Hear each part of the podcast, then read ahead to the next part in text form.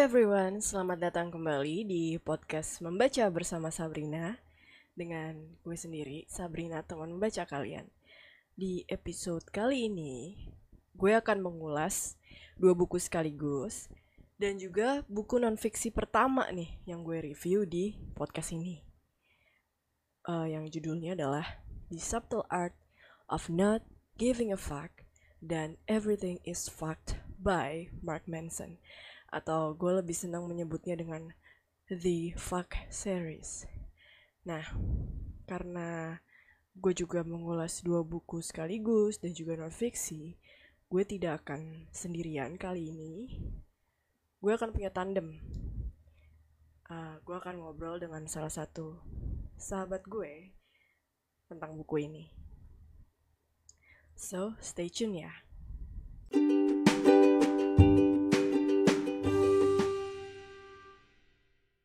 Halo Bill, apa kabar? Halo Rin, baik.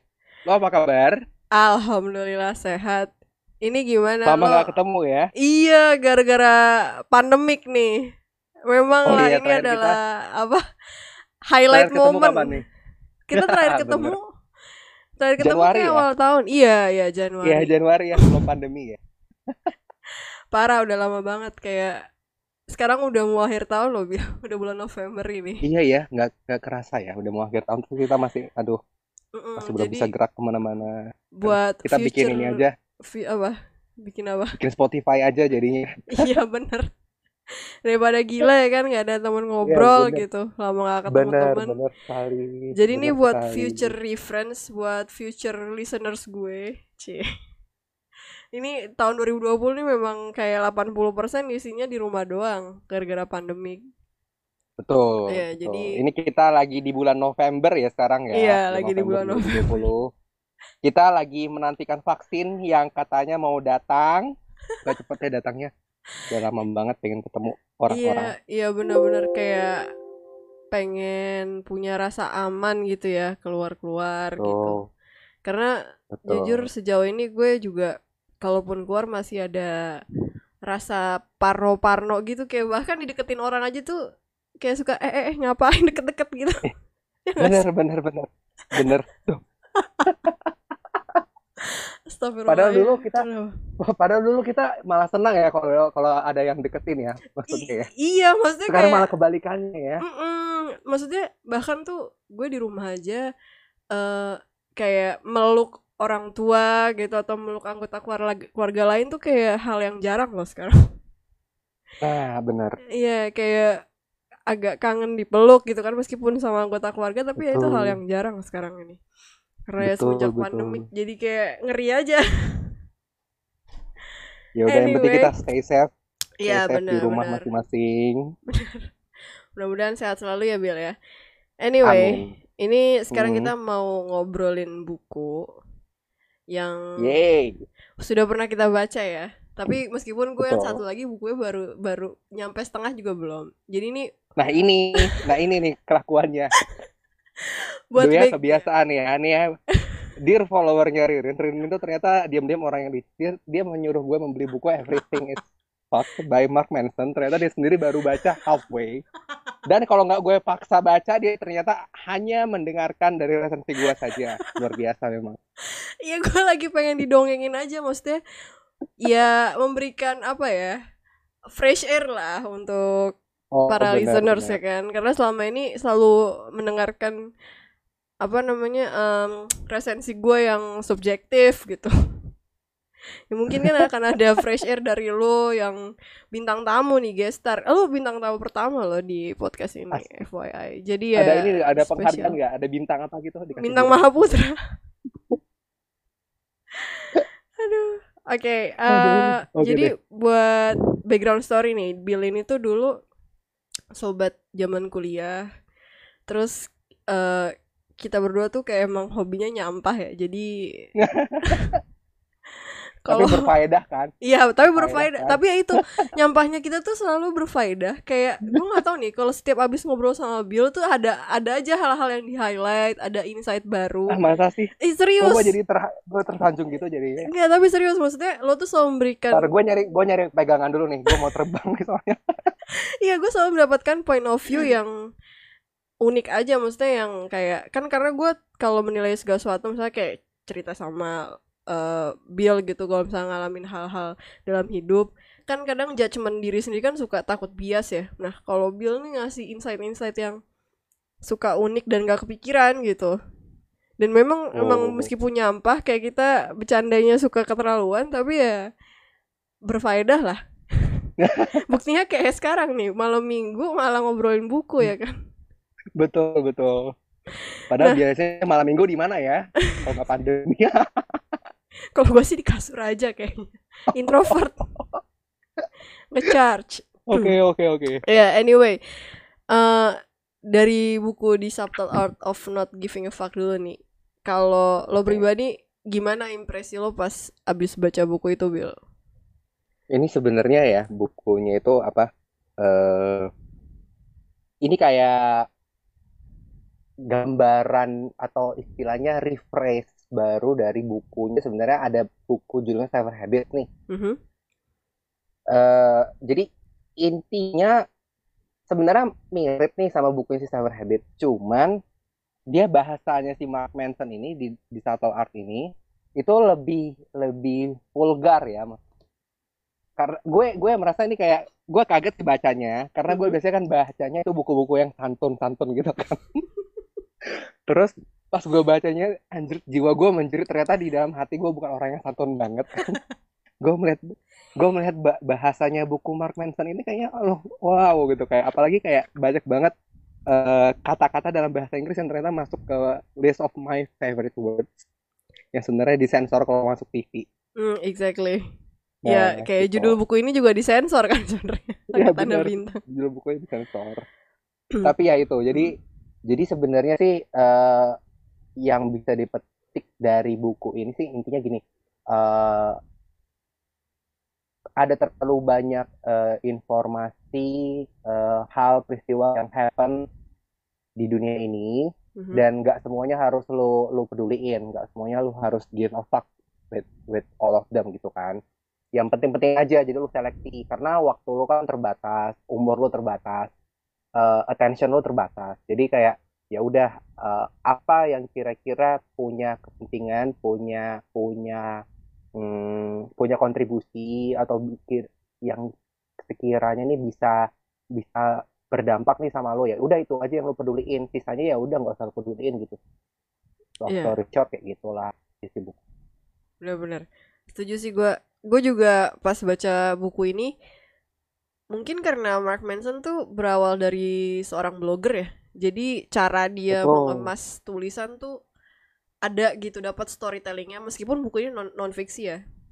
Ya betul Bukunya non betul. fiksi Dan kalau kalau gue kan kalau tadi si Mario eh si Bill nih sempat ngebahas uh, Seven Habits itu emang bukunya kaku banget. Dulu gue baca buku itu pas zaman Betul. SMP dan gue langsung traumatik gitu kayak kayaknya gue gak mau lagi deh baca baca oh jadi itu yang membuat lo nggak suka sama non fiction ya? Iya bener. Bener karena itu buku Ah, bokap sebenarnya- gue. Oh gitu. Mm, ya tapi emang bahasanya bahasanya trending banget ya bahasa trending banget bahasanya itu yang tadi gue bilang santun banget mungkin iya formal Mungkin karena- kaku Ah, ah, Hmm. betul. Mungkin karena kita berdua tuh sama-sama berjiwa liberal, jadi kayak nggak nggak terlalu cocok sih ya kalau bahasanya santun banget gitu. iya bener terus makanya pas baca eh, bukunya yang di Subtle Art ini kayak wow ternyata bisa ya non fiksi dikemas dengan sesantai itu dan Betul. eh, buat gue juga kayak pembahasannya sebenarnya bermakna sih kayak impactful banget. Berat sih. Mm-mm. eh maksudnya kayak tadi sempet lo bilang soal kayak nggak semua hal di dunia ini harus kita peduliin kan. Kita ibaratnya harus bisa Oh, menyaring lah hal-hal yang matters for us gitu.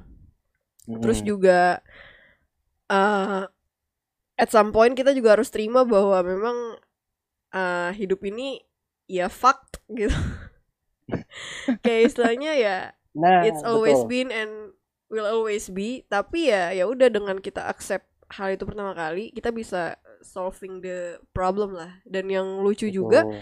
dia sempat nyinggung you are defined by the problem you choose gitu Nah, Mm-mm. jadi intinya semua orang sih ada masalah ya, bakal ada ada masalahnya. Maksudnya nggak nggak melulu orang yang kalau udah di di misalnya let's say dia income-nya tinggi atau dia di negara maju sekalipun gitu kan Mhm. atau dia hidupnya di kota besar sekalipun bukan berarti mereka nggak punya masalah kan jadi mereka punya masalahnya masing-masing tapi ya mereka they choose uh, they choose their problem wisely karena kan itu uh, problem itu kan equal sama amount of time amount of attention yang harus lu spend kan untuk Yep. untuk solve that problem gitu nah itu sih sebenarnya jadi nggak ada tuh istilahnya ah coba kalau misalnya gue tinggal di negara A atau gue tinggal gue punya uh, level income gini gitu mungkin semua masalah gue bakal hilang ya iya sih mungkin masalah lo yang sekarang akan hilang tapi masalah yang baru lagi akan muncul gitu dan itu lo nggak bisa nggak bisa uh, nggak bisa pungkirin ya that's how life is sih sebenarnya Iya, exactly. Terus Hmm. apa namanya? eh juga dia juga ngomong tentang eh certainty, satu-satunya certainty dalam hidup ya kematian. betul Jadi nah meanwhile sih kita masih makanya hidup ya, kita harus kayak make the most of it dengan eh yang apa ngatur value kayak menetapkan value terhadap hidup kita, terus juga dengan memilih ya problem sebenarnya itu akan berdampak dengan value dan juga eh, self improvement gitu ya.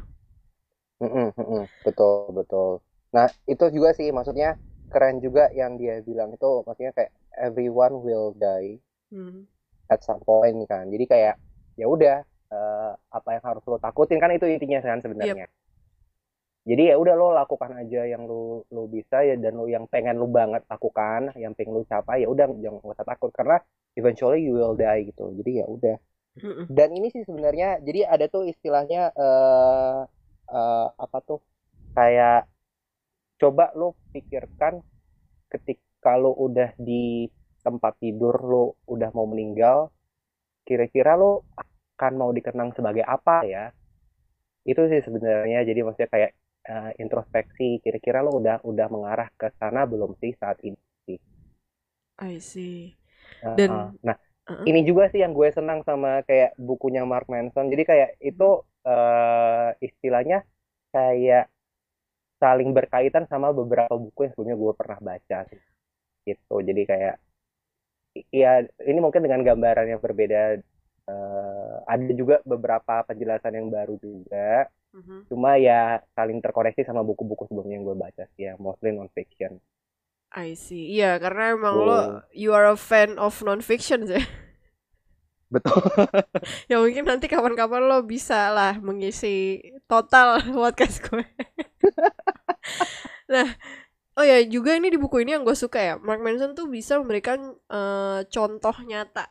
Maksudnya dia bisa mention nama-nama tokoh yang bisa hidupnya tuh kita jadikan referensi gitu, jadikan contoh bahwa ya kayak Hmm. si tokoh A, tokoh B itu tuh contoh-contoh orang yang berhasil mentekel masalahnya bisa bisa bangkit dari keterpurukan karena metode-metode yang eh, diberikan di buku ini gitu kurang lebihnya ya. Jadi kayak semacam berikan practical method lah.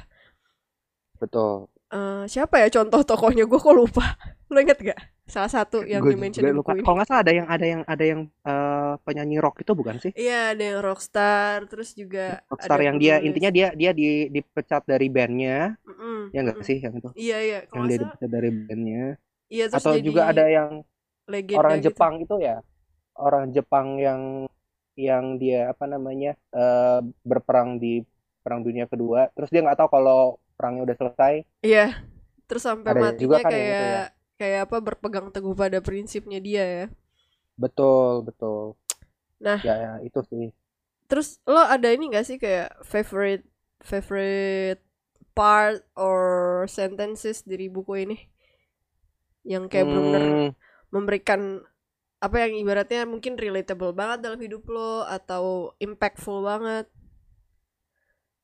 ini sih kalau exact sentence-nya gue nggak nggak terlalu hafal ya. Cuman Hmm. dia pernah nyeritain ada apa namanya ceritanya ada nenek-nenek yang eh, masalahin kupon. Lo ingat gak sih itu? Yang di bagian Ah, bukunya. Iya jadi iya ada iya iya. eh, petugas ini ya maksudnya petugas eh, supermarketnya. Mm, eh, dia kayak per- atau nggak nerima kuponnya kali ya nggak terima kuponnya si nenek-nenek itu terus nenek-neneknya marah kan Mm, mm. Nah, intinya sih eh, itu bisa dilihat dari eh, sudut pandang lain sih. Misalnya gini, kalau sebenarnya nenek-nenek itu punya eh, another more important things eh, yang dia eh, should give a fuck with, ya Iya, pasti dia nggak bakal dia nggak bakal tantrum ya. mempermasalahkan kupon. Iya, Betul, benar-benar. nggak perlu mempermasalahkan kupon. Terus eh, lucu juga sih si Mark Manson-nya. Dia bilangnya gini, think of kayaknya ya kalau gue nggak gue nggak salah ingat, think Aha. of uh, that old lady. She doesn't have sex in a million years. Terus terus uh, she's old and all she cares about is that damn kupon gitu kan. Iya. Jadi kayak nah terus jadi gue kayak mikir oh iya ya jadi kalau misalnya gue mempermasalahkan hal-hal yang trivia berarti secara tidak langsung itu menunjukkan karakter gue dan gue sebagai pribadi kan Mm-mm, ya nggak mm. sih Benar, benar. let's say misalnya eh orang penting di dunia let's say misalnya Bill Gates atau Queen Elizabeth mereka kan sering jadi kayak bahan omongan bahan omongan orang eh, jadi bahan teori konspirasi ya kan Mhm. cuman kan mereka nggak nggak nggak punya waktu untuk untuk meladeni itu semua mereka udah terlalu sibuk dengan urusan mereka yang jauh lebih penting mereka nggak peduli sama sama apa namanya omongan orang-orang yang ada di di belahan dunia mana pun. Mm-mm. Jadi apa memang ya udah mereka keep keep going on with their life ya kan? Exactly, with their business Heeh. ya udah karena waktunya kan mereka terbatas. Kalau mereka eh, tempat mempedulikan hal-hal yang trivia ya mereka nggak akan mencapai goals yang mereka dong. Nggak mereka nggak akan achieve sebenarnya mereka tujuan mereka juga ini apa gitu Benar-benar. nah itu jadi gue gue punya pandangan eh dulu kan gue kesel banget ya sama orang-orang kalau kayak suka ngomongin orang di belakang suka Mm-mm. ngegosipin orang dulu sih gue gue kayak gitu sih kesel tapi semenjak baca bukunya ini gue malah iba ya jadinya sama orang-orang yang Karena gosip ya Maksudnya kayak mereka nggak punya urusan Iya, lain gitu. betul mereka nggak punya urusan lain berarti mereka secara tidak langsung mereka menganggap bahwa urusan yang orang yang diomongin itu adalah lebih penting daripada mereka pribadi gitu Benar-benar. Iya kan Iya benar sih. that says much about their life gitu ya udah berarti nothing nothing is interesting happen in their life nggak perlu gue iri sama mereka harusnya gue iba sama mereka gitu loh Bener banget. Gue juga abis baca buku ini ya, memang kayak apa ya? Kayak gue ngerasa buku ini emang worth to read in every in every platform ya. Kayak memang ini kan waktu tahun 2018 atau 2019-an ya, ini tuh rame banget di berbagai platform. Terus Mm-mm. di toko buku juga kayaknya buku ini bestseller terus kan, kayak selalu ada muncul di rak-rak depan gitu. Karena memang Betul, menurut betul. gue se worth it itu dan impactnya emang banyak hal sih kalau ke gue pribadi juga eh, kayak misalnya gue eh, lebih berpikir untuk gue harus bisa berkomitmen sama sesuatu gitu. Kayak misalnya eh, komitmen terhadap pekerjaan terhadap apa yang gue kerjakan juga terus misalnya relationship gitu terhadap pasangan. Karena Mm. ternyata dengan kita berkomitmen alih-alih gitu sebagai anak muda yang ah gue mau hidup bebas aja nggak nggak terikat sama siapa-siapa. Tapi sebenarnya dengan kita memutuskan untuk berkomitmen terhadap sesuatu atau terhadap banyak hal dalam suatu waktu itu bisa membantu kita untuk memfilter noise gitu loh memfilter hal-hal yang sebenarnya nggak nggak perlu kita pikirin Iya, jadi kayak kita lebih fokus kan ya. Sebenarnya kalau Mm-mm. udah punya udah punya value-nya apa, terus udah punya kita mau mau apa komitnya sama sama siapa atau sama apa gitu kan. Mm-mm. dan kemudian Mm-mm. juga eh buku ini juga berkat buku ini gitu gue jadi kan selama ini kayak gue selalu menganggap bahwa I'm such a failure gitu kalau dibanding sama hidup orang yang mungkin seumur gue udah lebih udah lebih kaya udah udah lebih punya kedudukan dan segala macam tapi ternyata sebenarnya segala sesuatu yang kita nilai terhadap diri kita tuh tergantung juga alat ukur dalam tanda kutip alat ukur yang kita pakai Betul, ya betul. kan? Makanya kalau kita mengukur diri kita dengan materi, ya ya udah, memang Mm-mm. mungkin itu hasilnya kayak gitu. Cuman kan eh, hidup ini lebih dari sekedar materi. Kalau Betul, kata ada si banyak Mark dimensi Manson. ya. Ada banyak Ada banyak dimensi. dimensi, heeh. ya pilih aja metode ukurnya yang sesuai sama value masing-masing orang kan gitu. Betul, betul banget. Emang sih eh somehow nih buku kayak membantu untuk men, apa untuk self discovery ya. Meskipun eh bukunya tuh light reading banget like cuma 200-an halaman terus juga kata-katanya enak dan memang uh, penuh dengan narasi terus ya pokoknya kayak seolah-olah tuh kita didongengin sama si Mark Manson ya gitu gak sih? Karena Betul, emang dia betul, jago bercerita gitu. Iya, iya. Mungkin Nah, karena ya itu sebelumnya karena dia pernah nulis blog ya. Jadi kayak hmm. ya bahasanya udah pasti menyesuaikan dong ya sama sama blog reader kan. iya bener. Blog reader kan ya which is kan blog reader itu kan nggak nggak nggak apa namanya nggak suka eh, bahasa yang terlalu formal atau gimana kan. betul Dia harus betul bisa me- me- mencari atensi orang supaya supaya terus membaca blognya dia, supaya terus membaca tulisannya dia. Itu sih. yep alright jadi kalau kesimpulannya nih menurut lo buku ini worth to buy lah ya apa worth gimana to buy worth to Worth buy ya. Apalagi kayak semacam apa ya? Semacam antidot buat kondisi yang sekarang ini. nah Ya, iya ya kita bisa lihat lah kayak di di nggak cuman di berita-berita kan kita udah bisa lihat kayak ada snowflake misalnya kayak orang apa dikit gampang tersinggung kan gitu. benar Ya nggak sih? benar Nah, ini sebenarnya harus harus di, dibaca sih sebenarnya. Ya udah lo gak usah tersinggung lo urusin aja urusan lo sendiri selama orang-orang itu nggak nggak ngerugiin lo nggak mendatangkan physical harm sama lo ya udah hak mereka lah untuk ngomong hak mereka lah untuk feel ya lo urus urus sendiri lo sendiri aja nggak nggak perlu nggak perlu terlalu apa namanya terlalu kepikiran sama mereka gitu kan itu exactly sih sebenarnya apalagi di ya kita udah bisa lihat misalnya kayak di eh, kondisi sekarang lah kan dikit-dikit ngomongin orang, dikit-dikit eh, makin lama makin tersinggung, dikit-dikit apa namanya lapor-laporan gitu Mm-mm. kan. UI ITE Eh, iya. lapor-lapor ke polisi gitu kan ya terus terus Nah gitu. Mm-mm. Jadi dan ya kalau si Mark Manson sih bahasnya to- contohnya di US ya. Kalau gue lihat kan di US kan juga banyak banyak apa namanya eh banyak hal-hal yang kayak gitu juga tuh nggak cuma di society kita doang ternyata di US banyak banyak snowflake juga yang gampang tersinggung dikit-dikit eh, marah kalau kehendaknya atau dia dia disinggung dikit sama orang Mm. lain gitu. Kayak Yep. contoh deh misalnya ya Eh, let's say misalnya gue pernah dengar eh, orang atau teman gue kayak ngomong misalnya kayak eh lo tau gak sih tetangga gue kumpul kebo gitu misalnya. Terus kayak wow gitu kan. Gue gue kaget kan maksudnya kayak which is di masyarakat kita yang masih konservatif itu suatu hal yang hal yang eh, tabu kan mungkin ya. Mm-mm.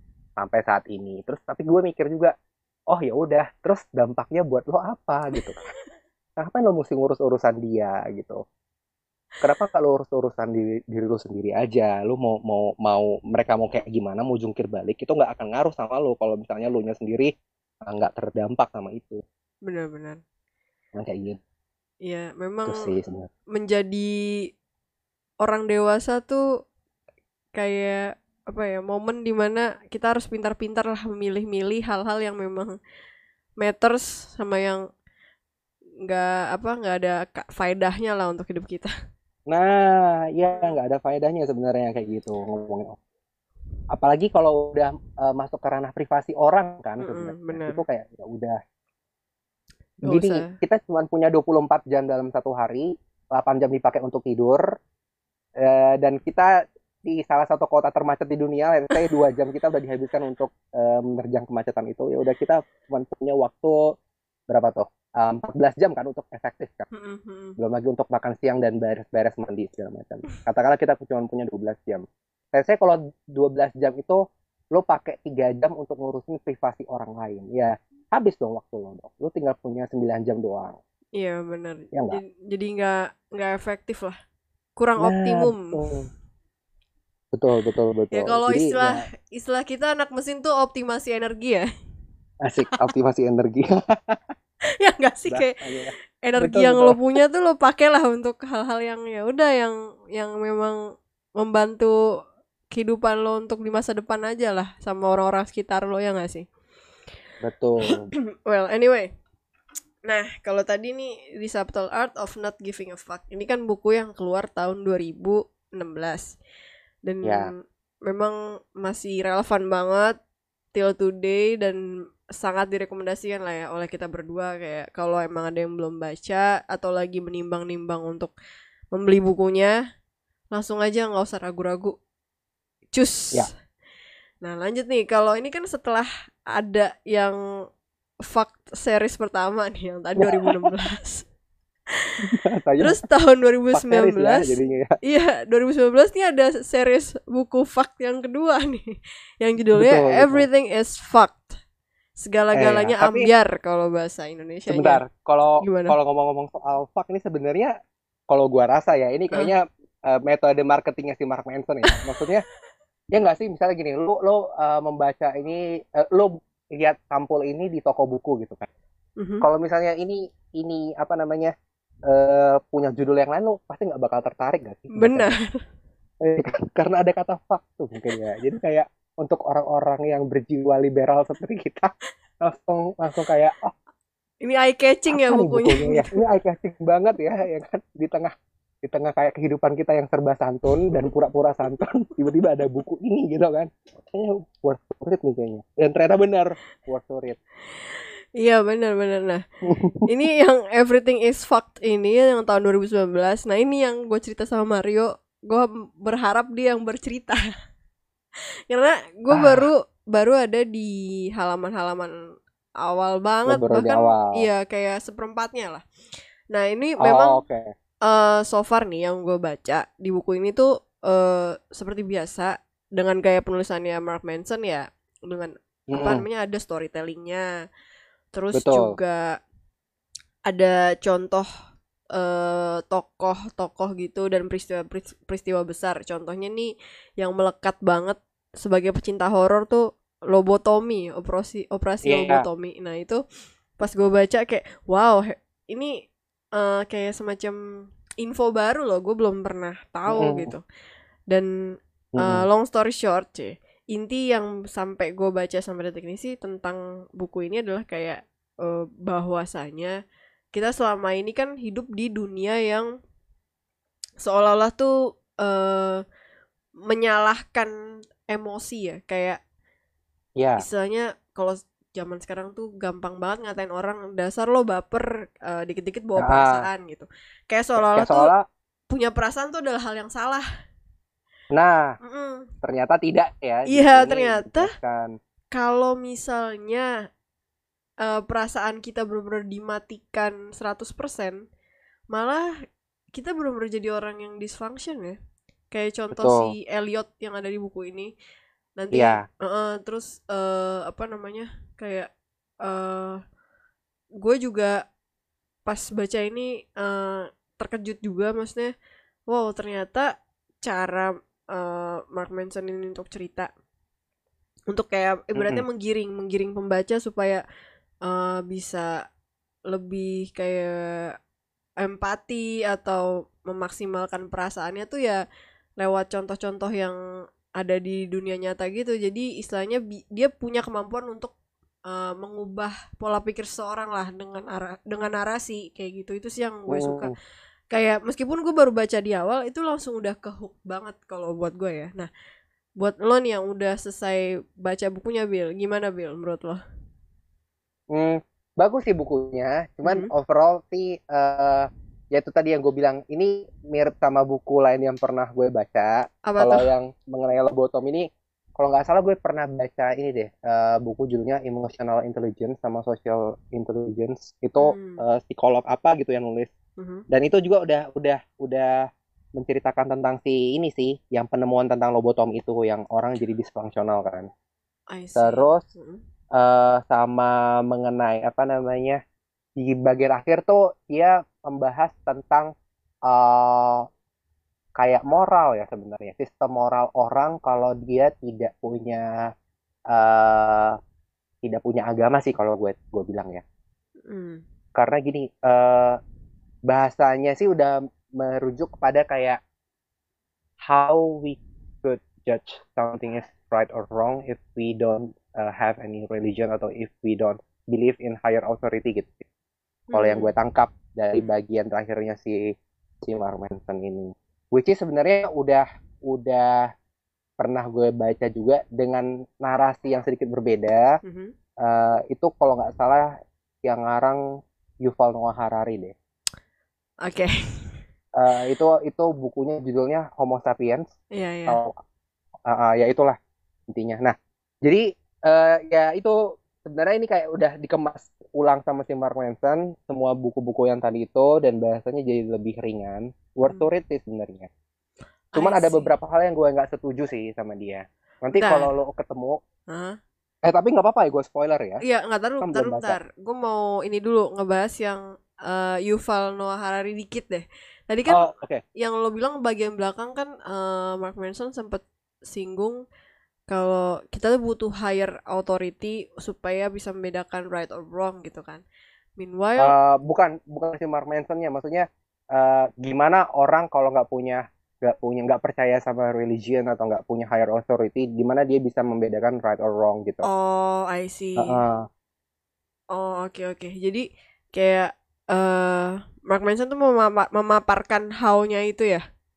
Iya, betul. Oke, berarti kalau tadi lo bilang dia dalam tanda kutip bernafas sama kayak eh, Homo sapiens, Hah? itu kurang lebih eh, apakah juga sama narasinya eh, seperti kan kalau eh, apa namanya Pak Yuval tuh kan bilang eh, religion itu sebenarnya social structure.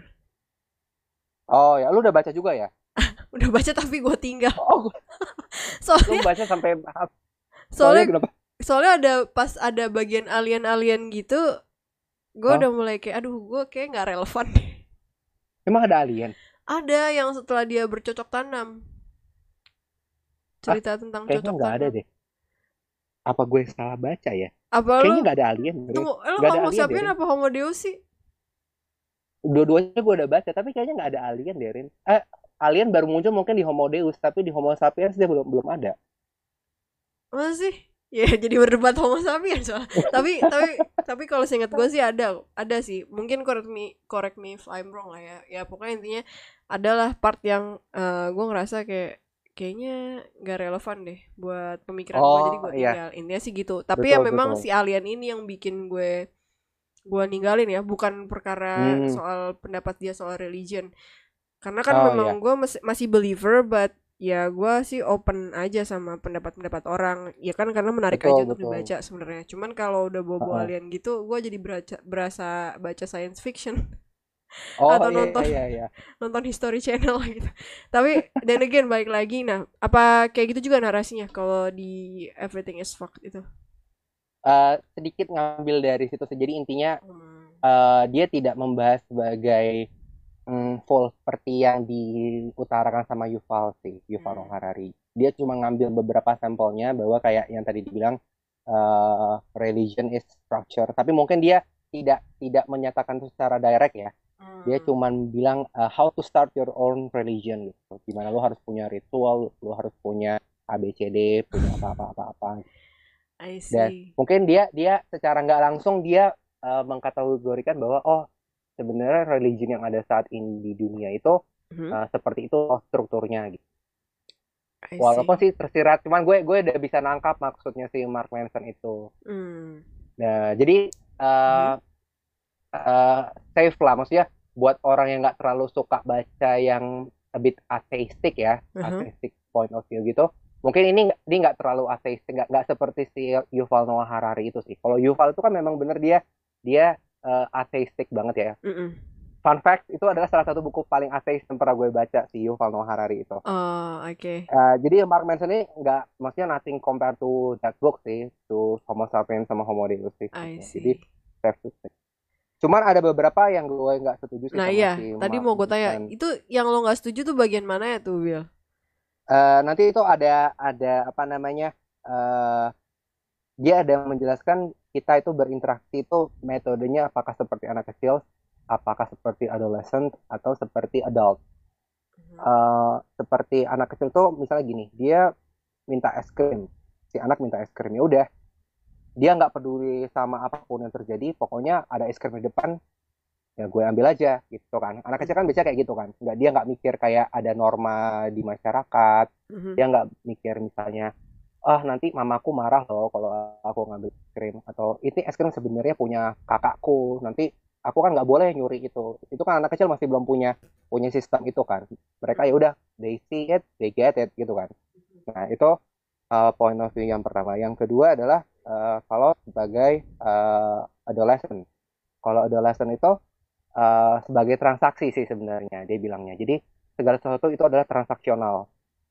Ini ada es krim di depan mata, tapi uh, nanti kalau gue ambil nanti nyokap gue marah misalnya. Karena itu sebenarnya uh, buat uh, besok buat acara keluarga. Ya udah gue tidak mengambil itu karena gue takut nyokap gue nanti marah. Jadi kayak transaksional supaya gue tidak dimarahin uh, gue gak usah ngambil es krim. Baru yang ketiga itu adalah point of view-nya adult. Jadi ini ada es krim di depan mata mm-hmm. nggak bisa gue langsung ambil gue langsung makan karena itu namanya mencuri mencuri itu intrinsically adalah suatu hal yang salah terlepas dari misalnya entah ada orang yang lihat atau tidak nah itu namanya point of view-nya of adult. Nah, hmm. si Mark Manson itu bilang bahwa uh, kalau kita udah menjadi pribadi yang lebih baik, kita akan bergerak dari mulai anak kecil ke adolescent sampai ke point of view-nya adult. Cuman ada beberapa yang gue nggak setuju karena at some point uh, apa namanya tuh ada beberapa hal yang sifatnya tidak intrinsik baik, tapi we do it anyway gitu sebagai transaksional. Jadi ada beberapa hal yang sebenarnya kita harus stuck di levelnya adolescent. Contoh misalnya, hmm, misalnya kalau di kuliah deh, uh, kita tiba-tiba di assign barengan partnership sama uh, teman kita yang kita nggak suka, gitu kan? Mm-hmm. Nah kita ya we have to deal with them dong, kan? Bukan karena secara intrinsik itu adalah hal yang baik, tapi uh, sebenarnya kita harus deal with them supaya kita bisa selesaikan tugas kita supaya uh, nilai kita baik gitu. Mm-hmm. dikasih penilaian baik oleh dosen gitu. Padahal sebenarnya intrinsically kita nggak mau maksudnya deal with them. Kalau ada kesempatan lain kita mungkin bisa cari teman kelompok yang lain. Tapi ya mau nggak mau gimana? Nah itu sih gue nggak setujunya si Mark Manson bahwa sebenarnya ada beberapa hal yang sifatnya tetap transaksional jadi nggak bisa kita bilang secara intrinsik adalah baik atau buruk dan lu harus harus kerjakan itu karena dia interestnya adalah baik gitu sih sebenarnya. I see. Jadi kalau yang gue tangkap dari paparan paparan lo tadi uh, hmm. apa tadi istilahnya gaya gaya komunikasi eh gaya apa? Gaya apa ya? How to behave kali ya atau Oh ya, how, how to, to behave gitu. Uh -uh.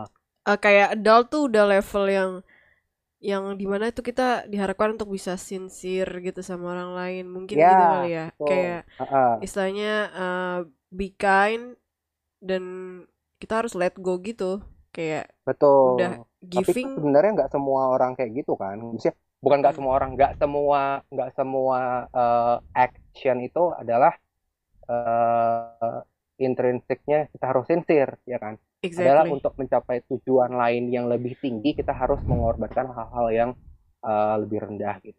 Nah itu kan sifatnya transaksional. Jadi nggak perlulah melulu kita oh ini ini uh, intrinsiknya memang baik. Lo harus melakukan itu karena baik juga. Gue bisa melakukan itu karena gue itu sebagai alat transaksi gue untuk mencapai hal yang lebih tinggi. Itu kan nggak masalah sih sebenarnya. Nggak harus uh, it even adults do that kan even uh, world leaders do that gitu. Jadi orang-orang yang pemimpin sekalipun juga kadang-kadang bersifat transaksional. Iya iya. Gitu. Kayak terkesan tuh utopis banget ya. Nah kalo betul utopis memang, sih menurut uh, gue. Kalau misalnya berharap uh, sincerity di berbagai aspek. Uh, yeah, iya yeah. kan. Kalau kalau misalnya gue sih ngambil contoh yang paling mudah lah, misalnya soal uh, relationship antara cewek dan cowok gitu. Pun hmm. ketika misalnya berpasangan itu kan somehow adalah bagi, uh, beberapa hal yang memang pengennya tuh ya ketika kita kasih kita juga dapat timbal balik dong kayak mutual lah. Betul. Maksudnya uh. dalam hal dasar pun dalam relationship gitu atau dengan crush dengan pasangan ya pengennya kan ya kita suka dia dia juga suka kita gitu. Ya, ya, ya nah kan kalau kayak gitu kan kalau cuma kita melakukan satu arah kan namanya bucin dong. Iya. kasihan dong. Ya itu makanya. Jadi nggak nggak semuanya harus kita lakukan secara sincere dong iya ya benar-benar. Pun kalau misalnya sincere tetap ya balik lagi pasti akan ada boundary boundarynya juga nggak sih? Kayak misalnya oke okay, uh, eh, ya sincere sih cuman lihat aja timelinenya misalnya sampai kalau sampai ya. bulan sekian gak diajak aja kawin ya udahlah Ya, bener makanya.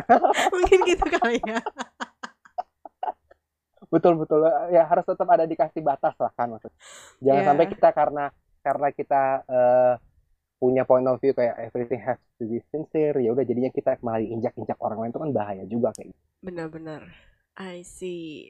Oke lah. Nah, terus yang gue nggak setuju lagi yang Gimana tuh? kedua, eh nggak apa-apa ya jadi spoiler dong. Gak apa-apa maksudnya ya seru aja sih ngobrolin yang Oh, apa eh ya nggak apa-apa. Kan kan kayak ini kan cuma chunk chunk of the Oh, book gitu. lah. Iya. Tapi lu janji ya bakal baca sampai selesai ya.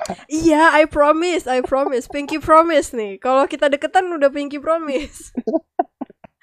Gimana gimana? Nah, anyway, jadi Hmm. yang hal yang gue setuju kedua tuh eh, dia kayaknya hmm, menganggap bahwa eh, berharap itu suatu hal yang salah karena eh, tolak ukurnya adalah kebahagiaan. Hmm. Dia emang bener sih, maksudnya eh, apa namanya eh, hipotesis dia tentang si kebahagiaan itu benar sih. Maksudnya memang benar nggak ada orang yang secara terus-menerus eh, harus eh, merasa bahagia gitu. Misalnya gini, lo dapat mobil eh mobil mewah deh misalnya dapat tiba-tiba dikirim orang ke Oke deh, minggu pertama mungkin lo kebahagiaan lo meningkat, tapi setelah tiga bulan kemudian mungkin lo bakal ya udah biasa lagi aja perasaannya. Itu semua orang pasti merasakan hal yang sama sih. Mm-mm. atau dibalik lagi misalnya lo lo kehilangan duit misalnya. Katakan let's say lo kehilangan 5 juta. Ya mungkin minggu-minggu pertama lo kesel banget. Tapi ya dua bulan selanjutnya mungkin lo udah lupa dan lo balik lagi jadi biasa aja gitu kan nah itu bener sih. Maksudnya eh, semua orang pasti merasakan hal yang sama Hmm. karena eh, happiness as a state itu nggak nggak berlangsung secara permanen gitu and nah so tapi sadness lah ya konklusinya Mhm. Heeh. tapi konklusinya sih yang gue nggak nggak suka dari maksudnya bukan nggak suka yang gue nggak setuju eh, dengan Mark Manson jadi karena tidak akan ada orang yang bisa mencapai kebahagiaan secara permanen ya udah kalau gitu nggak usah berharap nah nggak gitu dong menurut gue sih sebenarnya hmm, berharap itu bukan melihat dari tolak ukurnya kebahagiaan maksudnya bukan berharap supaya kita nextnya lebih bahagia tapi mungkin tolak ukurnya lebih ke kemajuan uh, diri lo maupun society secara general kali ya. Jadi kayak uh, kontribusinya apa nih? Kontribusi dari suatu action atau suatu suatu penemuan, invention, discovery gitu. Itu kontribusinya apa buat society? Walaupun uh, secara kebahagiaan mungkin uh, tidak akan permanen, tapi at least uh, the world is better di, uh, dengan adanya action itu gitu. Nah itu sih harusnya reason to hope bukan bukan sebagai bukan tolak ukurnya adalah kebahagiaan itu, tapi lebih kepada progress in society and in yourself sih sebenarnya. Itu yang nggak nggak diutarakan sama si Mark Manson. Dia cuma uh, mikir bahwa orang berharap supaya bahagia, ya kan nggak gitu juga. Orang berharap supaya dia keadaannya lebih baik, regardless dia sebenarnya bahagia atau tidak gitu. Iya sih.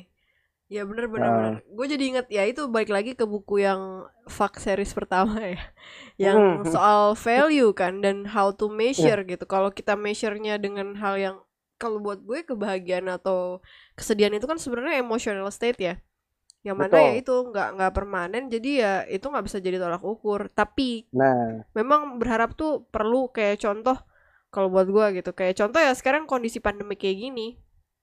Uh, meskipun ada vaksin mungkin kita belum tentu lebih bahagia. Tapi seenggaknya kan Ya, ada betul. secerca harapan gak sih? Kayak ya paling enggak dengan adanya vaksin misalnya eh, itu tidak memberikan efek negatif. Paling enggak kan kalau keluar tuh untuk interaksi sama orang jadi lebih Ah. aman gitu. Meskipun mungkin nanti followingnya itu ya kita kayak harus disuntik booster lagi setiap berapa bulan mungkin ya cuman betul. seenggaknya seenggaknya nggak kayak gini lah yang kayak ketemu orang aja tuh parno setengah mati gitu kan Betul, sulit Kayak- banget ya. Mm-mm, kayak kayak dengar orang batuk dengar orang bersin tuh kayak udah aduh Iya, mati parno banget ya.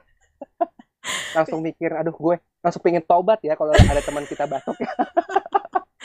iya jadi eh pernah tuh gue terakhir waktu dine in di bulan Juli gue sempet dine in sih sekali kan. Terus Oke. em, ya udah kita makan outdoor gue sama temen gue. Terus eh, kayak padahal tuh jaraknya lebih dari 2 meter sih. Itu Hmm, ada orang batuk-batuk. Cuman ya parno gitu. Jadi akhirnya Iya ya udah. betul. akhirnya yang tadinya mau chill eh istilahnya misalnya mau nongkrong sampai malam gitu ujung-ujung kayak gue diajak Rin pindah tempat yuk. Ya udah pindah tempat. Nah, iya. Saking nggak nggak kuat gitu denger orang batuk-batuk. Apalagi yang batuk-batuk itu juga nggak nggak pakai masker gitu nggak aware terhadap lingkungan sekitar. Nggak considerate lah istilahnya. Jadi ya udah eh itu sih ya hidup dalam ketakutan kayak gini sih yang pada akhirnya apa pengen banget ada secerca harapan lah bahwa keadaan akan Nah. membaik meskipun sedikit tapi seenggaknya better lah Better daripada keadaan sekarang kan sebenarnya Mm-mm, gitu ya. mm-mm. Ya walaupun mungkin kalau gini katakanlah pandemi berakhir bulan Maret misalnya, semua orang misalnya udah disuntik. Ya mungkin kita bahagianya sebentar doang sih sampai April gitu kan, kayak eh yuk bisa kumpul-kumpul ketemu sama orang lain, party segala macam. Tapi bulan Mei selanjutnya mungkin kita kembali lagi ke state of happiness yang kayak ah ya udah biasa aja gitu kan. Mm-mm. Tapi there's not a reason to uh, to abandon hope. iya ini kita harus punya harapan untuk bahwa vaksin itu akan ditemukan dan uh, things will get better, things will get back to normal again gitu.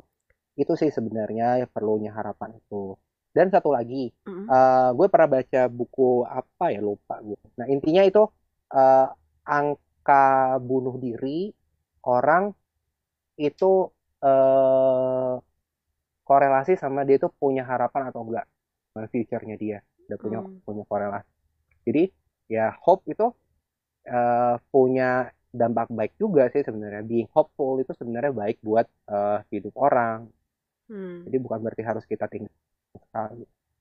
iya benar-benar Tuh. dan memang pas gue baca di chapter-chapter awal buku ini ya ada satu Hmm. juga sih yang menurut gue apa disebut tentang gratefulness mungkin Hmm, maksudnya eh ya itu tadi kayak kan hope itu kayak meskipun kita akan berganti state lah menjadi lebih bahagia meskipun cuma like sebulan dua bulan dan kebahagiaan itu akan pergi tapi kan tetap eh, menurut gua ada variabel yang terlupakan di sini gratefulnya itu sih kayak Ya.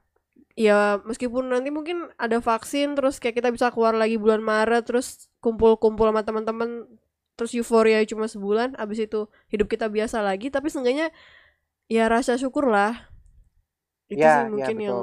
ya karena mungkin balik-balik lagi buku ini juga basisnya nggak menyinggung soal higher authority ya ya jadi ya mungkin itu mungkin sih. itu variabel yang alpa tapi ya ah, ah, eh, enjoyable ya tetap bukunya tetap enjoyable. I see Nah, itu sih. Jadi eh apa namanya? Ya bener yang tadi lu bilang kayak gratefulness itu ya. Maksudnya Hmm. eh, rasa syukur kita ya. That's why sih maksudnya kalau kita eh, let's say eh ya state of happiness-nya udah kembali lagi ke normal ya. Ada baiknya kita retrospeksi lagi kira-kira yang udah terjadi beberapa beberapa hari, beberapa bulan atau beberapa tahun belakangan ini gimana sih dibandingkan kondisi saat ini.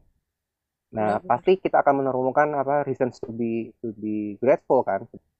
betul That's why betul kalau kayak di US tuh ada hari raya Thanksgiving ya. Mhm. Jadi intinya kayak eh, mereka evaluasi itu kayak I'm thankful for my family, for uh, the food in my table, terus uh, for the apa-apa-apa-apa mereka kan biasanya ngucapin kayak gitu. Atau mungkin beberapa orang kalau di Indonesia mungkin kayak di, di hari ulang tahunnya kali ya, Mhm. hari ulang tahunnya atau di tahun baru gitu kayak "Ah, apa nih yang perlu kita thankful for, apa nih yang harus kita perbaiki. Nah, itu di momen kayak gitu tuh sebenarnya baru kelihatan sebenarnya kita uh, sudah membuat progres atau tidak itu itu salah satu reason to hope juga jadi bukan harus kita tinggalkan harapan sama sekali Ya, betul betul.